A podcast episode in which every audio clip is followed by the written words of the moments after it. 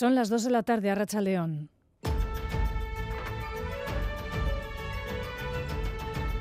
Crónica de Euskadi con Aichiber Bilbao.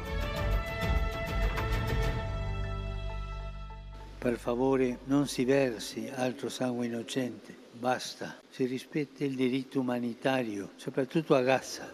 El Papa dice basta, basta de poner en peligro la vida de inocentes. Sin gentilicios ni inscripciones religiosas, Bergoglio se ha sumado en las últimas horas al clamor por la protección de la población civil en Gaza pide corredores humanitarios por donde la gente pueda moverse sin peligro y lleguen también alimentos y material sanitario. La Organización Mundial de la Salud ha conseguido a través de Egipto hacer llegar asistencia sanitaria para unas 2.000 personas, pero no es suficiente de lejos. Es el lamento, escuchen, de esta trabajadora palestina de Naciones Unidas. Por favor, salvad a Gaza, salvad a Gaza, está muriendo. Hay niños, adultos, ancianos a los que no puedo atender. Soy la directora de este refugio y no puedo ofrecerles nada, ni comida, ni agua. No hay nada, no hay nada.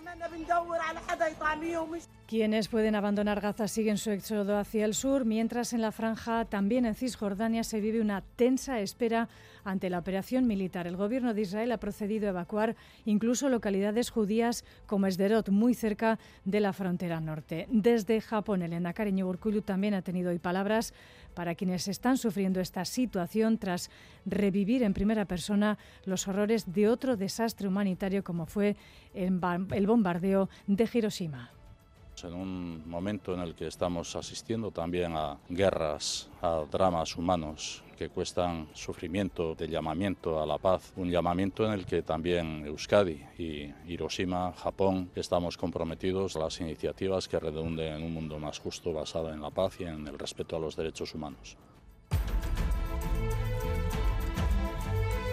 Y noticia que les avanzábamos hace una hora, la familia de Joshi Zavala ha confirmado que han recibido el reconocimiento por parte de la comisión que estudia los expedientes de víctimas de violencia policial de motivación política. Se acredita, por tanto, que fue víctima de vulneraciones de derechos humanos. En el caso de Josian Lassa, quien junto a Zavala tal día como hoy hace 40 años fue también secuestrado, se espera que quede asimismo resuelto en próximas fechas. Pili Zavala hablaba así ante las cámaras de Euskal Televista. Es muy importante sobre todo para reivindicar la presunción de inocencia, la memoria, la dignidad humana y el honor y el buen nombre de mi hermano José Ignacio Zavala y en clave política, Pilar Garrido, coordinadora del Carrequín Euskadi, asegura que su proceso aglutinador de la izquierda no nacionalista en Euskadi avanza sin esperar a sumar, aunque esperan su incorporación a la marca. Nos lo decía esta semana en Crónica de Euskadi fin de semana. En Euskadi estamos construyendo porque no podemos esperar a que ese recorrido acabe, pero cuando termine, entonces sí que podremos hablar de que ellos puedan sumarse ¿no? a, la confluencia que, que ya estamos conformando. Tiempo para los eh, titulares de la actualidad deportiva. John Zubieta, Rachaldeón. Hola, Rachaldeón. Empezamos con dos resultados de última hora. En el Iro Iriburua, que estamos hablando de pelota, que se ha celebrado en Bilbao, el triunfo ha correspondido a Alday y Vergara, que han ganado a Garay y Zabala por 22-19. Hablamos también de balonmano, porque la Naita Suna se ha impuesto ahora mismo al Huesca por 32-31. Y, también siguiendo con balonmano, les recuerdo que el Vidasúa visita la cancha del Benidorm, quinto clasificado.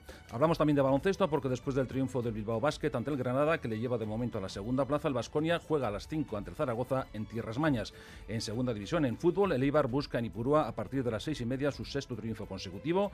A la misma hora, la Moravieta se mide al Alcorcón en Butarque con varias bajas de peso.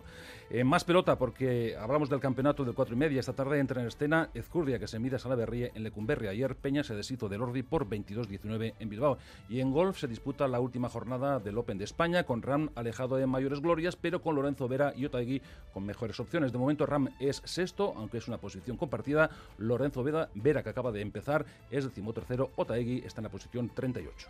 Previsión del tiempo para las próximas horas. Euskalmen, Ayera Barredo, Arracha León.